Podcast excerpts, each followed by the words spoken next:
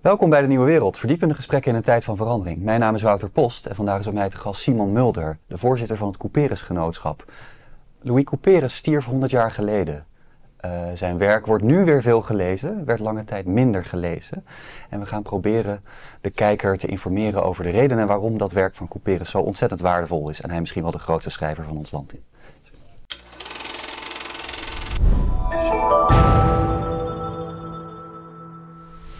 Simon?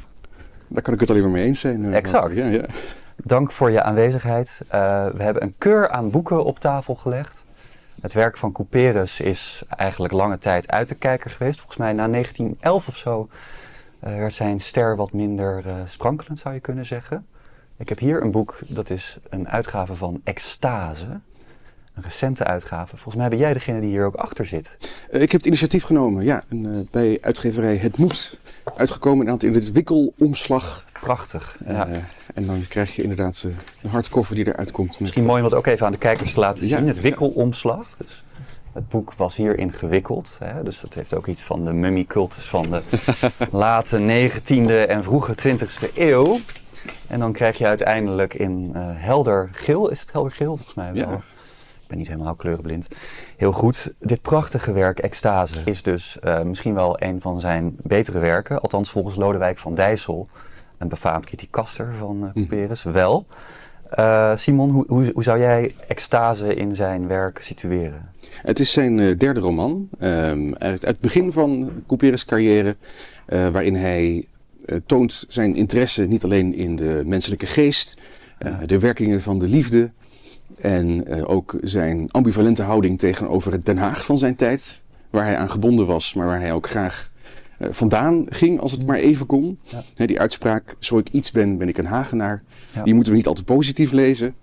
Nee. Ik wil me niet laten definiëren, maar goed, als het moet, dan ja. kom ik uit Den Haag. Want hij had ook een hekel aan Hagenaren? In zekere zin? Hij is tamelijk meedogenloos mm -hmm. tegenover de Hagenaren in, mm -hmm. in zijn werk vaak. Ja. Mm -hmm.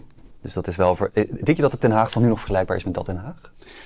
Als er een plek is in Nederland die nog vergelijkbaar is met het uh, met ja. de 19e eeuwse Nederland, dan zou ik Den Haag wel zeggen. Ja. ik ken ook wel wat mensen die me daar aan doen herinneren, inderdaad. ja, we hadden het al even over Lodewijk van Dijssel. Lodewijk van Dijssel, uh, je, hebt, je hebt ook uh, Willem Kloos, Frederik van Ede, je hebt de Tachtigers. Je hebt een hele literaire cultuur op dat moment in Nederland. Uh, maar hoe moeten wij nou die literaire cultuur van die tijd situeren? Misschien ook ten opzichte van de onze. Maar ook deze schrijvers ten opzichte van elkaar. Hoe zagen ja. zij elkaar? Uh, die tachtigers, de, de, namen die je noemde, dat waren veel Amsterdammers. En Couperus was inderdaad een Hagenaar. Um, en ze wilden hem er eigenlijk wel graag bij hebben. Want ze ja, zagen dat er enorm talent was. Zijn debuutroman Eline Veren was ingeslagen als een bom. Um, en uh, helaas, hij weigerde. Hmm. Uh, en met name Lodewijk van Dijssel, die je al noemde, die uh, moest zich de hele tijd maar tot Couperus verhouden. Want die zat ja. precies in zijn gebied van um, het door hem bejubelde sensitivisme. Dat ook in extase heel sterk naar voren komt. Ja. Dus het, de ja. individueelste expressie van de allerindividueelste emotie weergeven. Ja. En was er een reden waarom hij hen weigerde? Is dat duidelijk? Uh, ja, hij wilde niet echt uh, bij, bij zo'n clubje horen. Hij was een beetje een eenzaad. Ja. Uh, hij heeft ook, ja, toen hij dan later in zijn carrière ging voordragen, ook om den broden, ja. kwam hij wel in Amsterdam, maar daar werd, hij, werd, hij, werd hem gezegd in recensies dat hij toch iets te Haags was. Ja. Um, zegt, nou, had, ik, had ik groot steedser moeten zijn? Mm -hmm. uh, om iedere zin een pot bier naar binnen slaan of zoiets. nou ja, goed, dat was dan de grote stad. Ja, voor toch wel vergelijkbaar met nu, hè, vind ik. ja. En uh, wat dat betreft, Couperus is ook wel vergelijkbaar met Hermans, uh, Reven, die ook eigenlijk een broertje dood hadden aan de herenclub van mm. Harry Mulisch en oh, ja. zijne. maar die tachtigers, als je dan foto's van die jongens bekijkt. Het zijn eigenlijk een beetje binkies of zo ook, hè? Ja, ja, uh, ja. Die, die vroege groepsfoto's, dat, dat zitten te drinken bij Willem Witsen in zijn atelier. Uh. Uh, dat, dat zijn eigenlijk waren het studenten, eh, jonge vrienden, die de boel een beetje kwamen opschudden. Eh, later kregen ze natuurlijk onderling ruzie, viel de boel uit elkaar en werden ze al gauw heel gevestigde en ook weer tamelijk gezapige oude mannen. Ja. Um, maar Couperus bewoog zich daar helemaal los van, zou je kunnen ja, zeggen. Ja. Ster die zijn eigen baan, als het ware, Koos. Ja, ja. Ja, en die tachtigers die zijn volgens mij ook op een andere manier gewaardeerd door de tijd heen dan Couperus. Ook langer misschien nog gewaardeerd, ook door latere schrijvers? Of is dat... Ja, ik denk vooral hun uh, poëzie. Als je kijkt naar Kloos uh, en Gorter. Um, en natuurlijk Van Dijssels proza-gedichten. Mm -hmm. um, Couperus uh, heeft een, eigenlijk een hele eigen weg afgelegd daarin. Ja, ja. ja, precies. En dan is er ook nog een internationale component in het situeren van zijn schrijverschap. Je hebt mm -hmm. natuurlijk een aantal grote, je zou kunnen zeggen romantisch decadente auteurs op het internationale spectrum. Dus we hebben bijvoorbeeld André Gide, de grote Franse Nobelprijswinnaar van de literatuur. Mm -hmm in 1869 uit mijn hoofd geboren. Couperus van 1863 ja. en Oscar Wilde van 1854. Mm -hmm. Terwijl Marcel Proust dan weer van 1871 is. Maar feitelijk is dit wel een soort van condensie van een, een specifiek soort sensitivisme waar je het al over had, volgens mij. Ja, decadentisme, sensitivisme. En, en, en denk je dat Couperus door hen beïnvloed is of hen beïnvloed heeft? Of is dat... Uh, de Couperus uh, had eigenlijk wel een internationale reputatie. Die zijn we een beetje vergeten nu. Ja. En in het buitenland, ja, er komen nog steeds vertalingen uit, moet ik zeggen. Uh, onlangs nog is van oude mensen naar het Zweeds vertaald, eerder mm. dit jaar. Mm. Um, maar hij had een hele bloeiende internationale reputatie in, tijdens zijn leven al. Terwijl het zijn ja, belangstelling voor hem in Nederland aan het inzakken was. Ja. In 1911 inderdaad... Um, uh, bloeide dat juist nog steeds. Uh, dat hij bijvoorbeeld aan het eind van zijn leven in Engeland kwam. Mhm. Mm -hmm. En daar bleek hij the lion of the season te zijn. Werd gevierd mm. en naar allemaal parties en teas meegenomen. Oh, Oké, okay. hij werd als een soort van uh, daar ook tentoongesteld bijna. ja, ja. Niet tegen, heel tegen zijn wil in, neem ik aan. Uh, nee, tot zijn verrassing, uh, maar wel ook tot zijn plezier. En, uh, omdat er ook een soort Oscar Wilde revival was. Hij was twintig jaar dood. Juist. En het mocht weer. Ja, precies. ja. Want Wilde is overleden in het jaar? In 1900. 1900, precies. Ja. In 1920, toen Couperus nog drie jaar met ons mee zou gaan. Mm -hmm. Hij is immers in 23 overleden. Toen ja. uh, was hij dus al een vrij oude man, zou je kunnen zeggen, ja. toch? Ja. 57, denk ik, zoiets. Hij was uh, ziek tegen die tijd. Ja. verzwakt. kon het niet meer opbrengen om hedendaagse romans te schrijven. maar des te meer zoals we nu zouden zeggen, columns schreef hij, feuilletons, reisbrieven. Mm -hmm. uh, ook met, met grote, ja, wat mij betreft ook zit heel, heel veel mooie werk van hem daartussen. Mm -hmm. In zekere zin heb jij ook een lans willen breken voor zowel zijn feuilletons Mhm. mm -hmm. als een aantal andere werken, zijn korte verhalen bijvoorbeeld. Ja, ja. waarom zijn die nou ook zo belangrijk? Denk ja, ja. dat heeft niet alleen te maken met het feit dat we tegenwoordig misschien niet meer een enorme uh, baksteen uh, van een roman willen lezen. Mm -hmm. uh, dat we tijdtekort hebben, dat, daar klaagt Couperus ook al over. Dat ben je een sonnet aan het lezen en je bent nog niet halverwege ja. aan het einde van het, van het octaaf gekomen. en de, de telefoon gaat weer, zegt ja. hij al. Ah, ja. Um, ja. Dus ja, zoiets korts tot je nemen, dat, dat past bij onze tijd. Maar Couperus bewijst zich ook, laten we zeggen, in de sprint mm -hmm. even goed als in de marathon. Ja. Uh, en hij kan in een paar regels, bijvoorbeeld in het verhaal De Binokkel, ja. uh, over de noodlottige toneelkijker, ja. uh, die ik hier heb meegenomen als attribuut van mijn voorstelling over Couperus die ik heb gemaakt. Fantastisch, hè? Ja. Ehm, of het verhaal De Oude Trofiem. Ja. Dat staat in het boek Korte Arabesque, dat ik hier ook bij mm -hmm. heb. dat zijn prachtige verhalen, kort en toch met enorm veel inzicht en humor gevuld. Misschien mooi om daar even chronologisch doorheen te lopen. Dus het, het vroegst van deze werken is, is dat uh, de binocle of is dat een andere? Uh, ik heb de binocle, ja, ik heb het allemaal op uh, papier, papier ja. van mijn voorstelling van en over Couperus. Ja, precies. Die fantastisch is overigens. En wat dat betreft kan men ook nog een uitzending van de Bali van 16 december terugkijken. Oh, waarin Simon in gesprek gaat met Ellen Dekwits en een psychologe geloof ik. En wat mensen al daar. Ja. maar ook een fantastische voorstelling heb je met jouw vaste pianist volgens mij. Daan van der Velde. Fantastisch. Ja. Uh, en jullie situeren dan in zekere zin de binocle in een muzikale setting. Mm -hmm. Dus natuurlijk is de binocle ook geschreven in een muzikale setting. Namelijk de opera uh, De Walküre van Richard Wagner, nietwaar? En, uh, ja, ja en, en, en, en, hij was daar zelf ook, in het echt. Hè? Ja, ja. ja, inderdaad. Het is heel grappig om te zien. Dat is ook interessant aan die, aan die korte verhalen en feuilletons. We leven natuurlijk in een tijd waarin uh, het autobiografische uh, hoogtij viert in de literatuur. Mhm. Mensen willen heel graag weten of dingen echt gebeurd zijn. Ja. Um, en bij Couperus kom je er niet helemaal achter. Uh, Nee. biografisch valt er veel Ja. nog, blijft veel mysterieus. Um, maar de, ja, de Louis Couperus uit zijn feuilletons, dat is niet één op één te brengen met de, de echte Couperus. En hoe het precies zit, dat, dat, daar komen we niet achter. Ja. Het was een man met een minzame glimlach in zekere zin. Hè? Als je bijvoorbeeld uh, de laatste film kijkt, die de Couperus-kenners wel bekend is, maar de gemiddelde kijker van de Nieuwe Wereld misschien niet, dan staat hij volgens mij voor Hotel des Indes mm -hmm. met zijn vrouw en nog wat mensen, een klein gezelschap.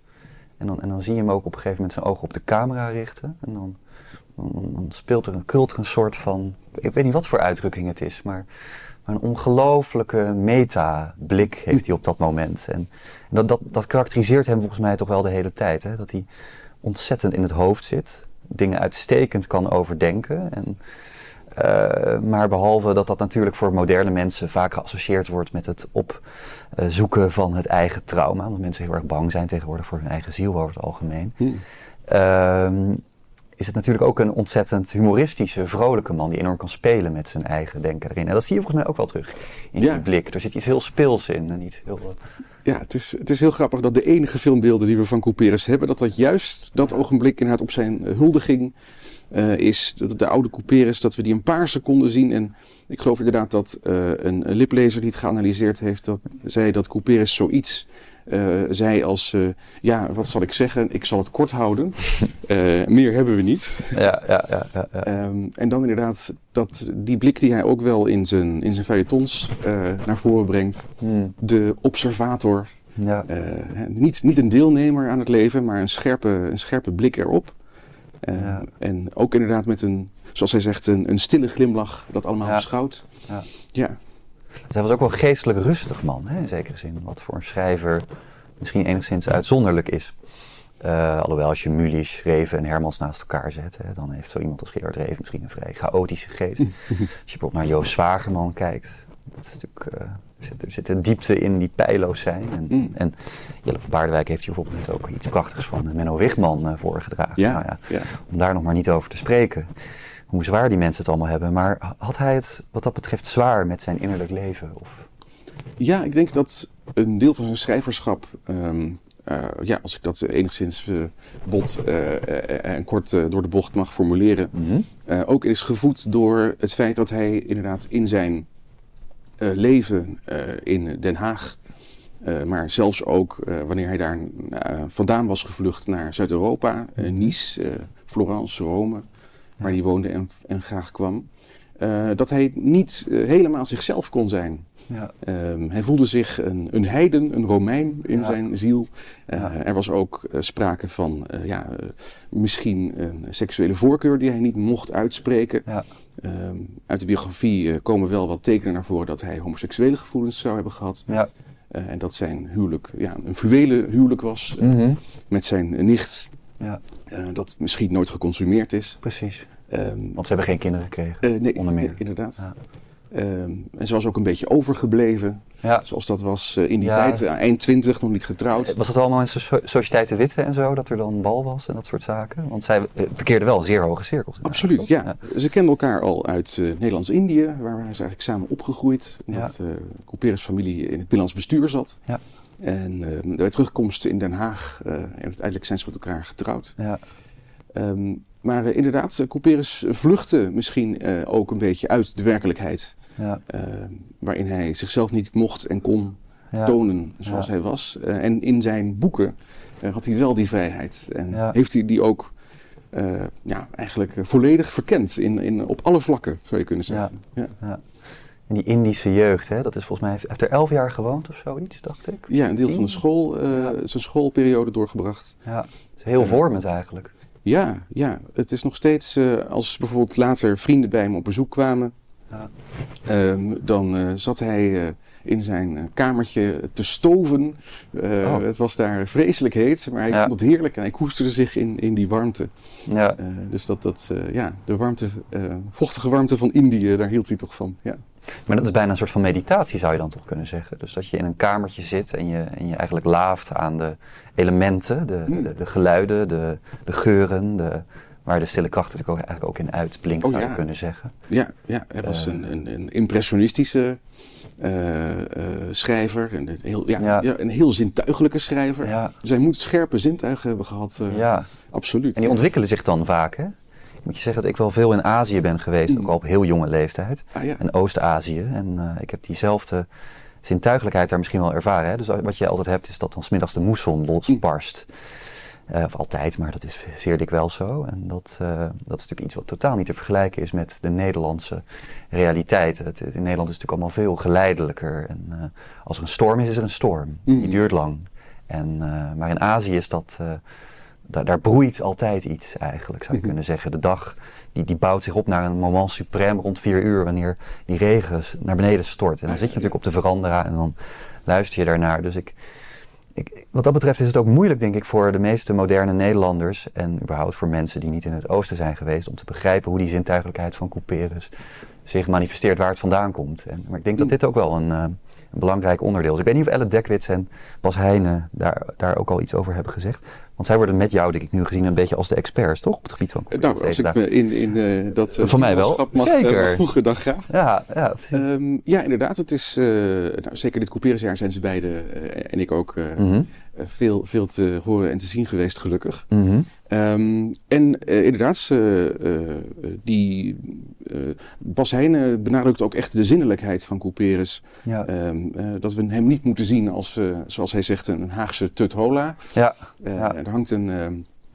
eh, ja, er waart een couperenspook door Nederland, zei, zei eh, Ellen Dekwits bij haar eh, lezing bij de Bali enige tijd terug. ja, dat hij zou inderdaad aanstellerig, tuttig, bedaagd, saai, ouderwets, bekrompen. eh, bekrompen. Ronduit. Ja, Eh, maar dat is het tegendeel. Tegendeel zwaar. hè? Ja, ja, is een, eh, als je naar de stille kracht leest, wat, eh, wat er allemaal niet broeit in, in Indië. Niet alleen eh, tussen de eh, inlandse bevolking, zoals dat eh, toen genoemd werd, en, eh, en de Nederlandse kolonisator. Maar ook eh, in het gezin van de resident eh, zelf. ja, Eh, ontrouw eh, en, eh, Ja. ja. en toch eh, aanslagen die beraamd worden. Het is een bijzonder spannend. Ja. Want waar hij zelf woonde, dat was eh, nabij Bogor, volgens mij. Wat volgens mij vroeger buitenzorg heette. Ja, ja. En dat was een ongelooflijk groot landgoed. ja, Naar de standaarden van West-Europa zeker. Dus dat is... Oh ja, je had eh, inderdaad als, eh, nou ja, als je daar woonde als kolonist, dan had je het goed. Allemaal bedienden die inderdaad uh, jonkokend op de veranda zaten, op afroep te wachten. En iedereen, iedereen bij de maaltijd een aparte baboe die de persoonlijk de sambal eh, stampte. mhm. Eh, en toen Couperus terugkwam in Nederland met zijn gezin eh, als schooljongen, moesten ze intrekken in een veel kleiner huis. Nou ja, Mhm. staat nog steeds, is dat nog steeds aan de Nassau, Ja. als ik me niet vergis, eh, in... Daar eh, zouden moderne mensen zeer gelukkig mee zijn, denk ik. Absoluut, Toch? Het is geen tiny house. Couperus dacht dat ze geruineerd waren. Ja, precies. Tientallen bedienden meer. Ja. Ja, ja, ja. We zitten hier dicht op elkaar. Hè? Dat is natuurlijk eh, beklemmend. Zoals Ja. India ook beklemmend was. Beklemmendheid speelt natuurlijk een hele grote rol in zijn werk. Ook, Absoluut. zeggen. Ja, zeker. Den Haag van die tijd is een en al beklemming. Ja, ja. Nou, nu nog steeds misschien, zou je kunnen zeggen. ik weet niet of Mark Rutte het daarmee eens is. Maar goed, die lacht het allemaal weg. Ja. Enfin. Eh, ik zat ook te denken even naar, de, ehm, naar die, seksuali die seksualiteit van Couperus Mhm. te gaan. Hè? Dus moderne mensen die, die, die, die zien hem dan als Tuthola. Als een soort van... eh, er is volgens mij ook een anekdote dat hij eh, in een huurkoetsje zat. Ja. Dat hij zijn handen omhoog stak. Zodat het bloed eruit zou lopen en zijn handen mooi bleek zouden worden. Ja, inderdaad. Ja. Nou, dat is natuurlijk wel iets wat je in de categorie, hè, om even eh nichterig eh, kan Ja. plaatsen, En toch? dat, eh, Ja. als het inderdaad al echt gebeurd is, Dat is natuurlijk waar. Dat soort dingen werd inderdaad ook bedacht juist om hem belachelijk te maken. Ja, is een van de meest gekarikatureerde schrijvers van Nederland. Ja. En Waar, Ja. waar komt die neiging dan vandaan, toch? Om dat, om dat soort mensen op die manier te, Ja, eh contextualiseren. Couperus eh, week af van de norm. ja, Zeker rond 1900 ja, eh, zou je kunnen zeggen zitten we in een, ook weer een, een soort van cultuurcrisis. ja, Eerste feministische golf en het mannelijke...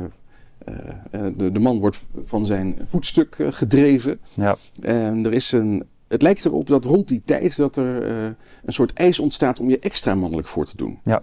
Eh, en dat juist eh, iedereen die van die norm afwijkt, zoals Couperus, die inderdaad goed gekleed was, goed geparfumeerd, Ja, eh, met een mooie orchidee in het knoopsgat. ja. eh, altijd in rok, toch? In, in rok. Het liefst. Ehm, Ja.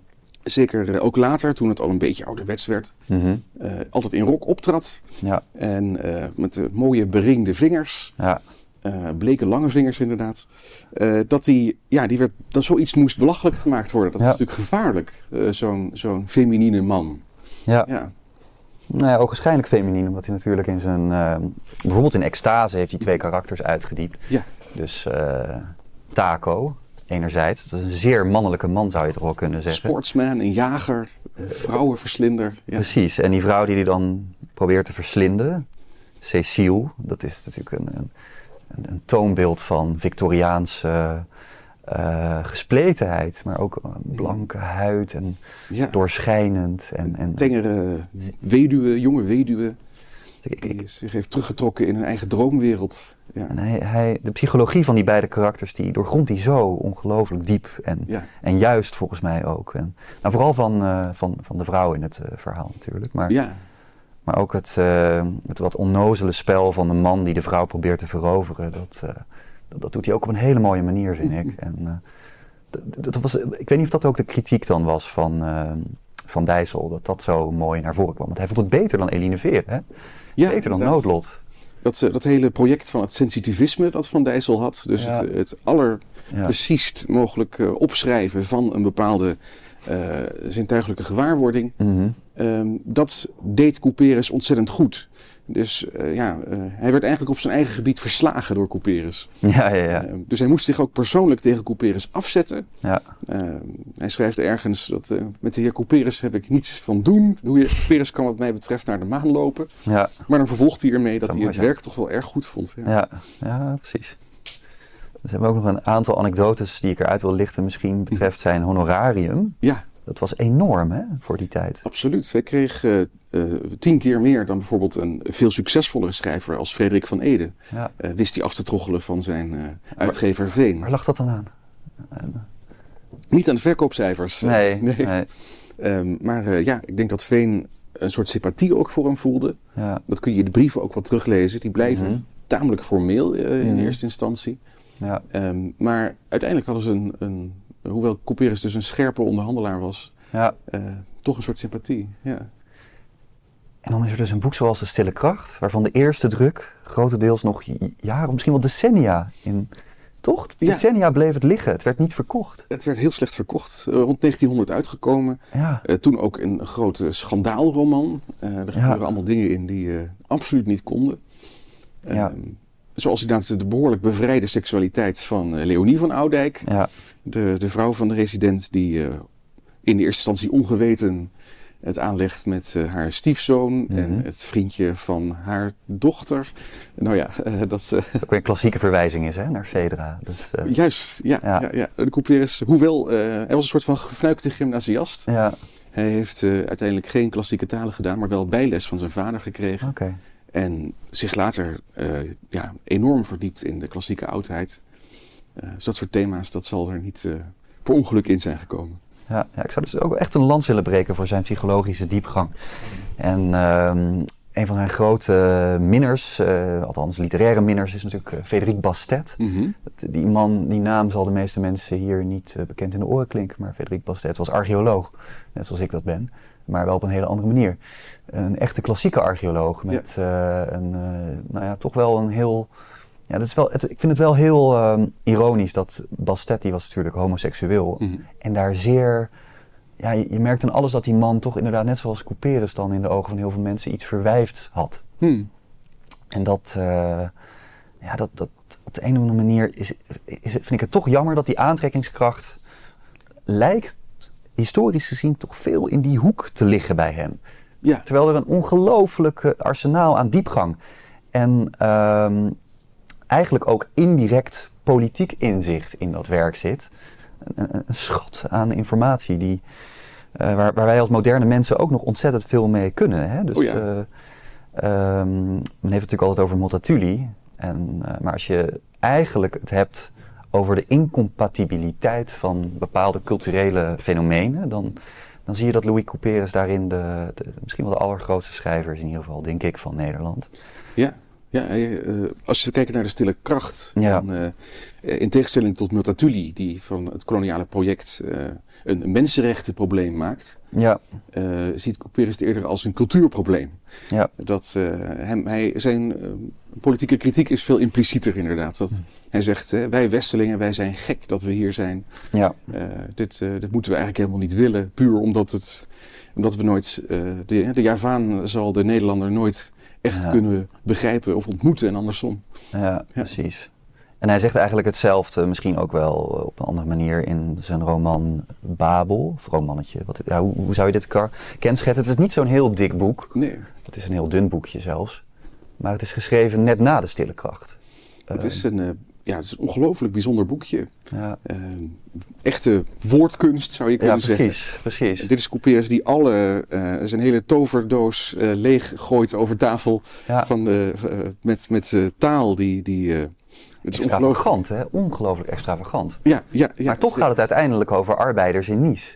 Ja, Dus dat, dat is, dat is toch het is een maatschappijkritiek verpakt in een, eh, een zeer exuberant eh, cadeaupapier. Maar het Ja. is, eh, ja, met een, ja, een bijbelse, oudheidkundige omgeving. ja, ehm, en bijbehorende verheven taal. ja, Eh, wat hij ook doet in andere, ook wel esoterisch beïnvloede Ja. werken, zoals God en Goden. mhm. Of zijn andere klassieke romans, inderdaad zoals De Berg van Licht. ja. Ik, drie delen, ik heb hier één deeltje meegenomen. Even misschien naar de camera richten, inderdaad, die daar. Ja, eh, ja. Kijk, fantastisch. In eerste druk, ja. ja, met een eh, zeer voorname Romeinse dame op de voorgrond. eh, Matrona, ja. precies. Ja.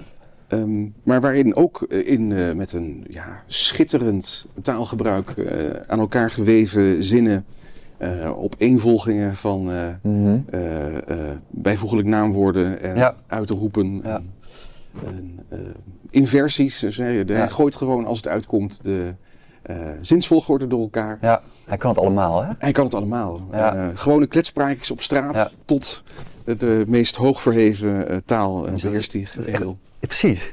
Een van, een van de ziekten van deze tijd, wat mij betreft, in taal is dat mensen bijvoeglijk naamwoorden niet meer op waarde kunnen schatten. Ja. En dat ze, dat ze eh, ook de zinstructuur en de elegantie daarvan in, in eh, veel kleurigheid, in veelvormigheid, in complexiteit niet kunnen waarderen.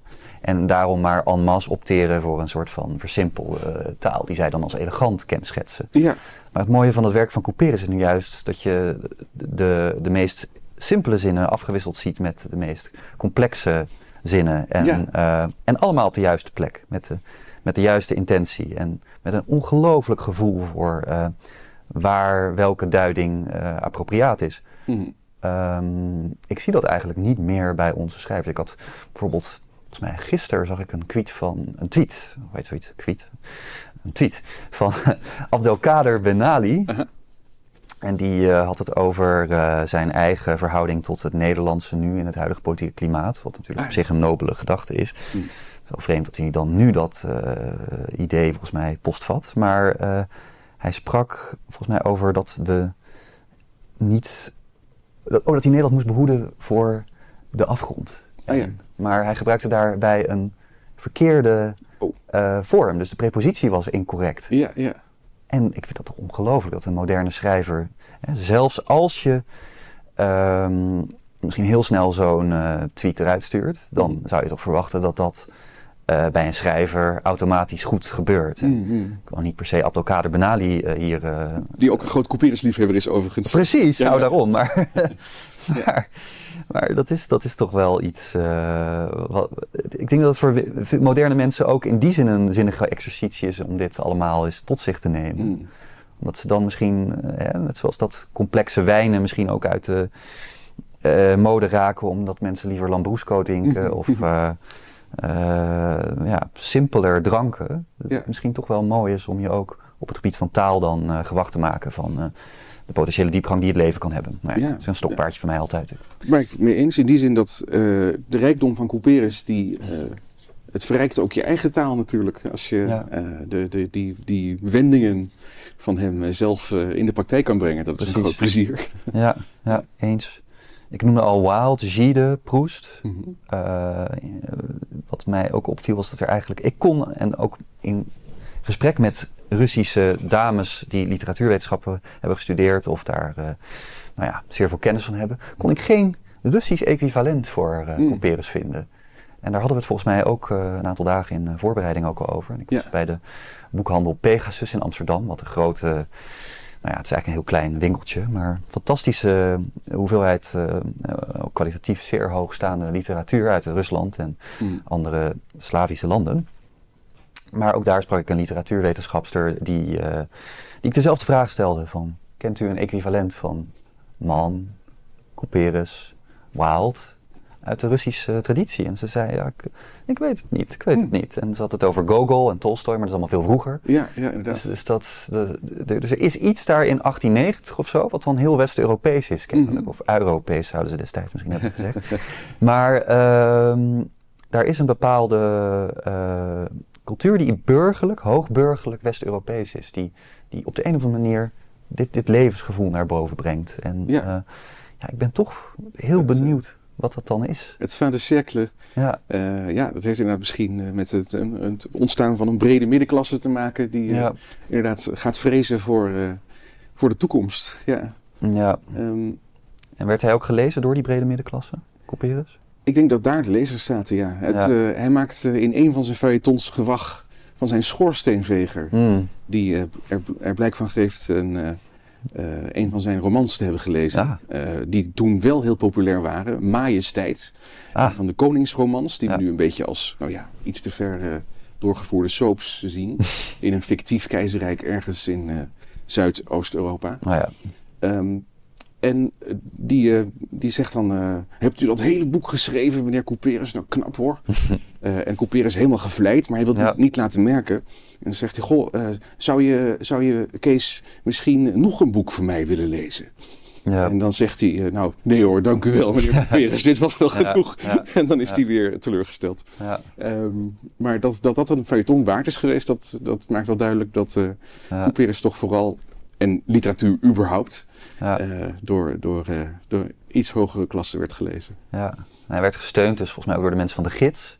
Eh, hij werd ook in de Haagse Post gepubliceerd. Ja, Eh, overigens wordt er nog steeds in de Haagse Post, of althans de opvolger daarvan, HP De Tijd, vrij veel over Couperus gepubliceerd. Inclusief een interview, eh, nou ja, of misschien meer een wandeling met jou. dat klopt. eh, door Den Haag. Dus als mensen daar eh, prijs op stellen, dan kunnen ze volgens mij het werk van Willem Pekelder, als ik het Dat heb, is correct, ja. kunnen ze in HP De Tijd, nou, net zoals Vrij Nederland en De Groene, toch een beetje in het problematische qua uitsterven, Mm. technische processen geraakte blad. Dat kunnen jullie daarin in lezen.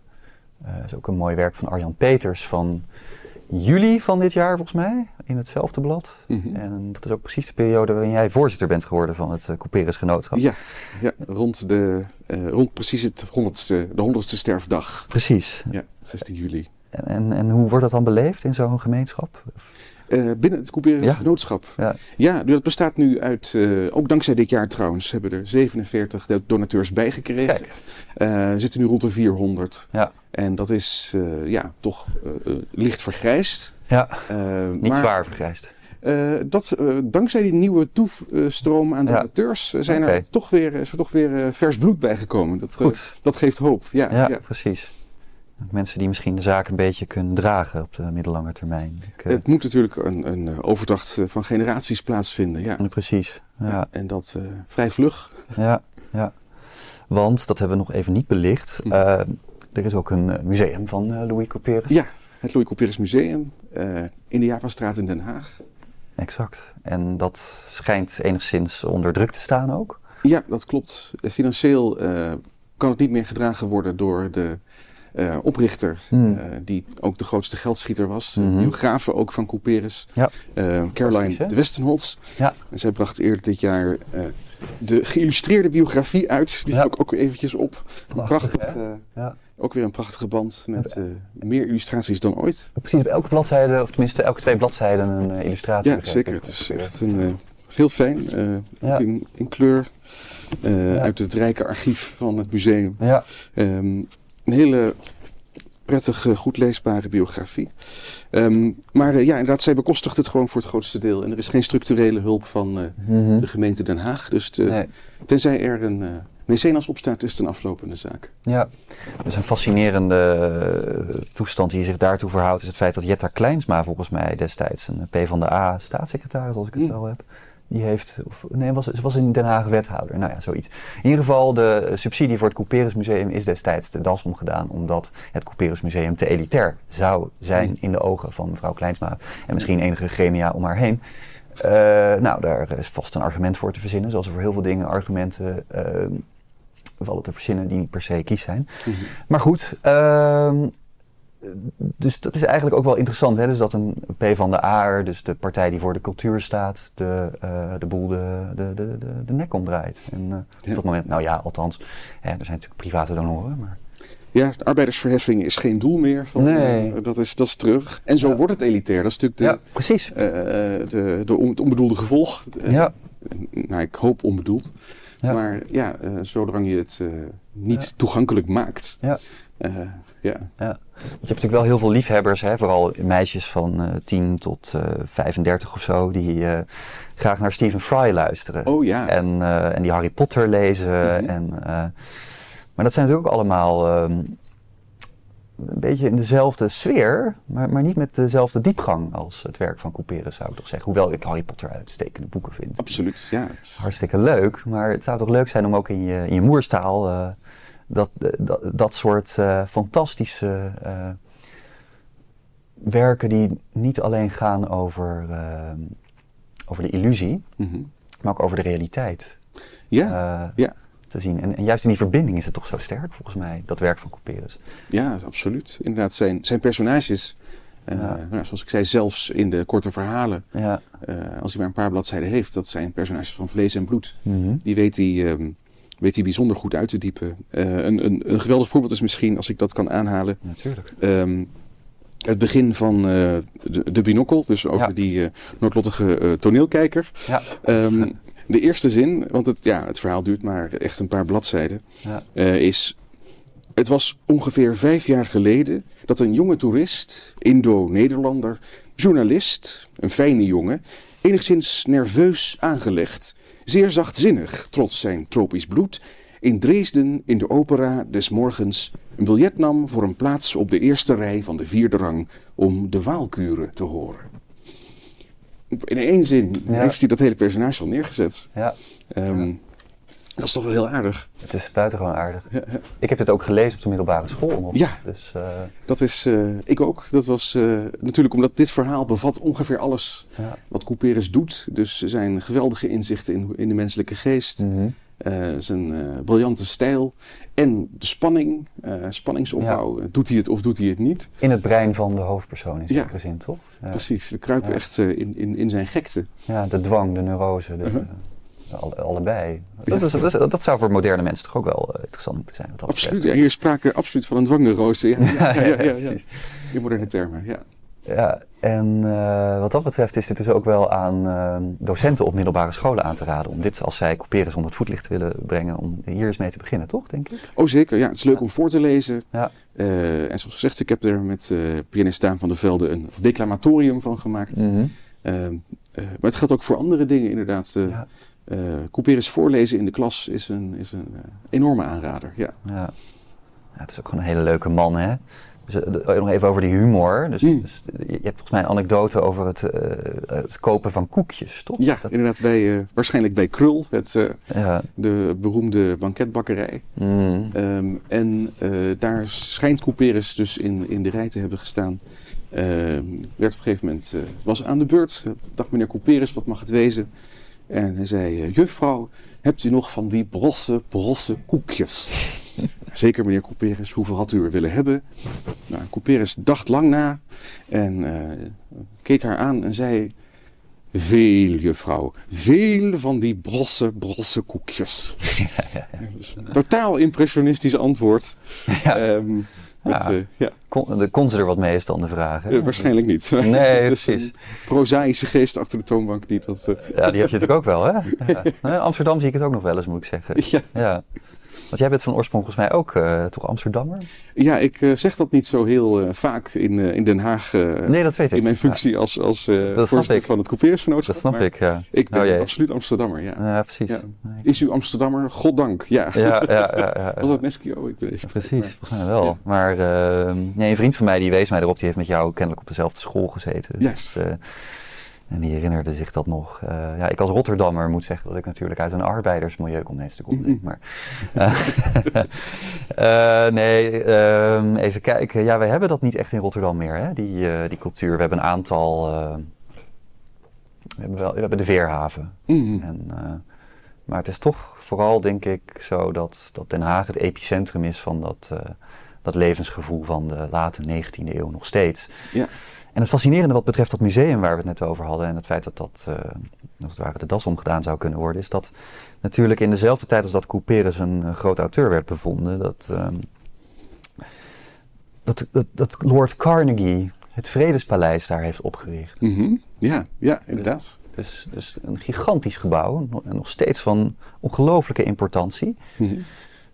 En dus de, dus de rol van Nederland als vredesland en, en land wat de internationale betrekkingen als het ware hoog acht. Dat, ja. dat is allemaal misschien een beetje toch, vooral in die tijd, tot stand gekomen. Ja.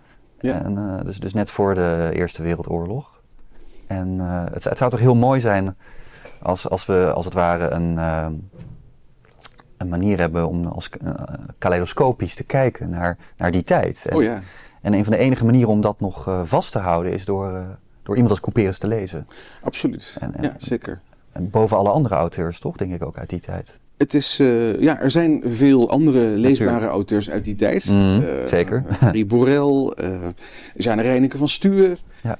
om maar een paar te noemen. Ja. Um, maar Couperus stijgt daar toch bovenuit. Hij is wel, ja. als, je, als je maar tijd hebt voor één auteur van rond 1900, kies dan Couperus, zou ik zeggen. Ja, precies. En het is niet alleen even na 1900 dat hij uitblinkt, maar ook daarna nog, toch? Dus, dus laten we zeggen, oh, ja. na de Eerste Wereldoorlog is hij ja. ook nog steeds behoorlijk actief. Mm -hmm.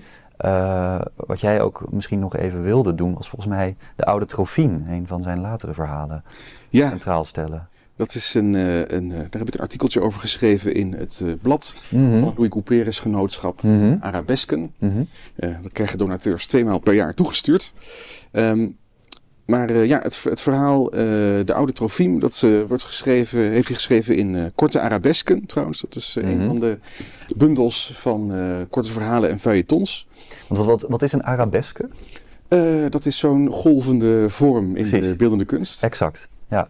En even kijken, want volgens mij Debussy die heeft daar wat werken van gemaakt. Al iets vroeger dan Couperus, denk ik. Ja, dus, ja, inderdaad. Wanneer is dat in zwang gekomen of zo, dat idee van de arabeske? Ah, dat is tijd, ja, echt een orientalistisch gegeven. Dus Ja, ja. Een, ja, zo, ook wel eind 19e eeuw Ja. dat dat begint te spelen, ja. En, en, en had hij iets met het, het, het islamitische deel van de wereld? dat Behalve ook. Indonesië dan natuurlijk. maar Ja, zeker. Indië. Uh, hij beschrijft ook inderdaad de, de, de reiging, zou je Hmm. kunnen zeggen, van de islam in, Ja, in de stille kracht. Die witte hajis, Ja. uh, die zijn altijd dreigende figuren op de achtergrond. Ja. En ook zijn reizen door uh, Noord-Afrika. Ja. Uh, Louis Couperus in Afrika is daar uh, ook een deeltje uit de volledige werken. Mhm. Um, en uh, overigens uitgebreid en becommentarieerd, heruitgegeven door José Busman. Hm. Uh, onder de naam Een Dandy in de Oriënt. Kijk. Um, ja, dus hij was absoluut geïnteresseerd. uh, wel met een, ja, dat kon ook haast niet anders rond die tijd, met een tamelijk orientalistische blik. Juist. Um, hij hield erg van uh, juist de sprookjesachtigheid van het Oosten. Mhm. Uh, en dat, dat liep van Japan tot Noord-Afrika inderdaad. Ja. Hij wilde het liefst dat alles was zoals hij in de kunsthistorische studies las die hij tot zich had genomen in Den Haag. Maar dan kwam hij bijvoorbeeld aan in Japan en dan droegen ze daar uh, uh, kimono's met daaronder, uh, piepten dan sokophouders en westerse hoeden erop. Ja. dat vond hij maar niks. Nee, precies. En, toen hij terugkwam in Indië en er waren allemaal rubberplantages en olieraffinaderijen. Hij had, was wel trots op wat Nederland daar had bewerkstelligd, maar hij begreep het niet. Nee, hij begreep helemaal niks van moderniteit op Nee, die zin. nee. Nee. En dat deed hij ook bewust, of? Het was ook een beetje een pose. Ja, inderdaad. Dus Ja. hij, Ja. hij koketteert ook natuurlijk met zijn, uh, amateurisme op dat gebied. Ja, ja, precies. Maar hij was wel gefascineerd door auto's en dat soort zaken? Ja, dat is heel grappig. Hij ontmoet in Italië de futuristen. Ja. Uh, die ja, inderdaad met het totaal voor hem als eigenlijk 19e eeuw onbegrijpelijke zaken zich bezighouden. met futuristische kunst, mm futuristische literatuur. Ja. Ehm, en hij bewondert het bijzonder. Ja, hij is erdoor gefascineerd. Andersom is dat minder. Uh, als hij een keer een van de futuristen spreekt, dan, dan, complimenteert hij hem. En ik ben even de naam kwijt van welke futurist dat was, maar die mm keek hem alleen met een uh, minachtende glimlach aan.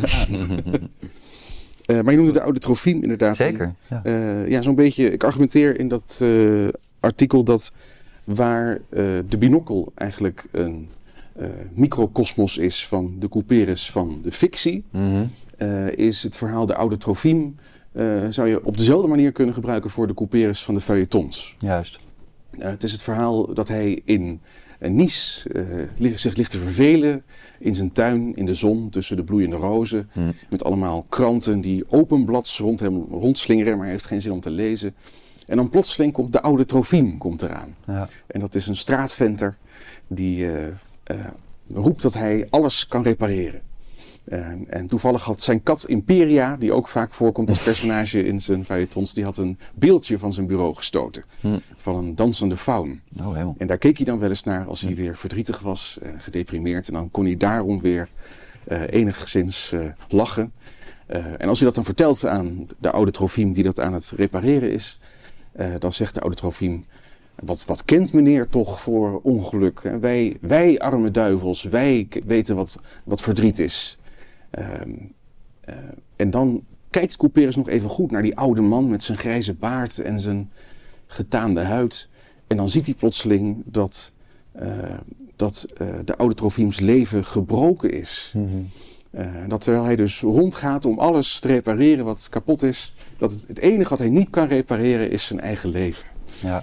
Um, het is zo'n prachtig ontroerend verhaal, dus dat rijd ik ook aan, de oude ja. Trofiem. Ja. ja. ja. En het is ook een thema wat overal terugkomt hè, in zijn werk. Dus mensen die zichzelf niet kunnen repareren. Ja, mensen die uh, ondanks uh, hun uh, goede intenties of er is altijd iets wat ze tegenhoudt om bijvoorbeeld te ontstijgen aan hun eigen sociale stratum ja. waarin ze vastzitten en ongelukkig zijn. en als het ze wel lukt, dan komen ze in een soort van luchtledige terecht. Ja. Um, Happen ze naar adem begrijpen ja. ze het niet. Eh, ze begrijpen zichzelf niet, ze begrijpen de wereld niet meer. Ja. En uh, ja, de, de les die Couperus daar zelf uit heeft getrokken natuurlijk, omdat het voor hem ook zo was, mm -hmm. uh, was om zich dan te richten op de schoonheid. Ja. En, toch in de kleine dingen het geluk uh, te vinden. Ja, precies. Ja, Bas Heijnen zei toch dat het, dat een van de kerndoelen van alle karakters in Couperus zijn werk was om uh, het goede leven te leiden. Ja. In zekere zin. Ja, inderdaad. je ziet hoeveel vormen dat aan kan nemen dan, toch? Via zijn werk vooral. Dat, dat ook, ja. ja. Uh, en als we maar inderdaad, uh, dat zie je in de boeken der kleine zielen natuurlijk, dat die mensen die zijn inderdaad zo kleinzielig, mm -hmm. dat ze zichzelf te gronden richten door één kleine afwijking, een, een kleine neurose, ja. um, een, een, een soort van onzekerheid, um, teleurst, een kleine teleurstelling dat kan allemaal zo groot worden dat het je, dat het je helemaal opvreet van binnen. Um, als je dat niet laat gebeuren en je inderdaad op, op de schoonheid richt uh, uh, en de, de kleine mooie dingen van het leven, dat is de enige manier om het allemaal nog draaglijk en begrijpelijk te maken. ja. ja, dat is natuurlijk zo. Waarom heeft hij eigenlijk nooit een Nobelprijs gewonnen? Ja, dat is. Uh, uh, ik heb mensen wel horen zeggen dat als Couperus nou niet in het Nederlands had geschreven, maar mm -hmm. in, een, in, een, wereldtaal, mm -hmm. Engels, Frans, Duits, uh, dan had hij het misschien wel de Nobelprijs gekregen. Maar helaas. ja. ja. Ja, ik vind het. Ik heb ook L'Immoraliste van André Gide gelezen, mm -hmm. wat eigenlijk een beetje in hetzelfde spectrum zit. Kijk, Wilde was natuurlijk een groot hedonist. Maar Couperus was veel meer iemand die zich uh, bewust was van de maten, de grenzen waarbinnen die uh, moest opereren. Maar iemand als André Gide, die ging naar uh, Tunesië en Algerije. En die laafde zich daar aan allerlei vormen van schoonheid. En structureel. Ja, ja. En dat, dat, dat, heeft, dat heeft hij dus kunnen doen. En Couperus heeft dat kennelijk nooit kunnen doen. En, Nee, nee, inderdaad. Ook in tegenstelling tot Wilde, die dat ja, ostentatief deed. En, Ja. en voor wie het eh, ja, eigenlijk dat in de openbaarheid brengen van Mhm. zijn beminnen van jonge mannen ja, eh, onderdeel was van, van het eh, genot. ja, feasting with Panthers noemde hij Ja, dat. Dat eh, omdat het juist in het Victoriaanse Engeland zo gecriminaliseerd was, ja, eh, dat het criminele onderdeel werd van de lust. ja, Eh, dat, dat, hing, ah, dat hing gewoon samen. ja. In Nederland waren we daar niet zo ontzettend streng in. Ja. er werd in Nederland naar die wild-processen gekeken ja. met, met ontzetting en verbazing. Ontzetting. Dus Ja. dat Victoriaans, dat is echt een Engels construct in zekere zin. dat, eh, dat het zo streng was en ook inderdaad als een soort voorbeeld werd genomen Ja, voor eh, de hele, hele bevolking. ja, eh, dat Wild moest worden opgesloten als een soort ja. offer. Pars pro toto. Ja. ja, dat, dat was hier niet. Ehm, maar Hm. Couperus die heeft het inderdaad, zou je kunnen zeggen, helemaal gesublimeerd in zijn werk. Ja. Van ook ja, de exuberante seksualiteit van, van eh, eh, de Berg van Licht. Ja. waarin de, de hoofdpersoon Heliogabalus, het Romeinse kind, keizertje, Ja. non-binaire hoofdpersoon, zowel een Vestaalse maagd trouwt, wat natuurlijk al niet mocht, Nee, als een gespierde wagenmenner. juist precies. Ja. Nou ja, dat zal de wokies dan toch eh, deugd doen, toch? Deze dagen. Dit is een, eh, nou ja, inderdaad een, een eh, queer personages in Ja. Couperus vinden. Dat is heel makkelijk, ja. Dus we kunnen er allemaal wat mee doen deze dagen, zou ik zeggen. Ik wil dat ook graag versterken, dat we dat, dat we dat ook echt gaan doen met z'n allen. Dus Mhm. dat Couperus weer mooi onder het voetlicht mag komen. Ja, ik denk dat we het gesprek bij deze af moeten ronden. Ik denk, dat, ik denk dat ik jou moet danken. Met alle plezier. Ja, jou voor de uitnodiging. Ehm, voor de mensen die zich in de filosofie van Couperus willen verdiepen, Ja. die kunnen nog even kijken naar het werk Noodlot en Wederkeer van, wat was het, Maarten Klein. Eh, dus daar zijn ook wat eh, parallellen met Nietzsche en dergelijke in te bespeuren. Eh, Zeker. Zeker gezien ons publiek heeft dat wel waarde. Mhm. Voor nu ontzettend dank voor dit zeer interessante gesprek. Met veel plezier. de kijkers een prettige middag, avond, nacht of morgen. Dag.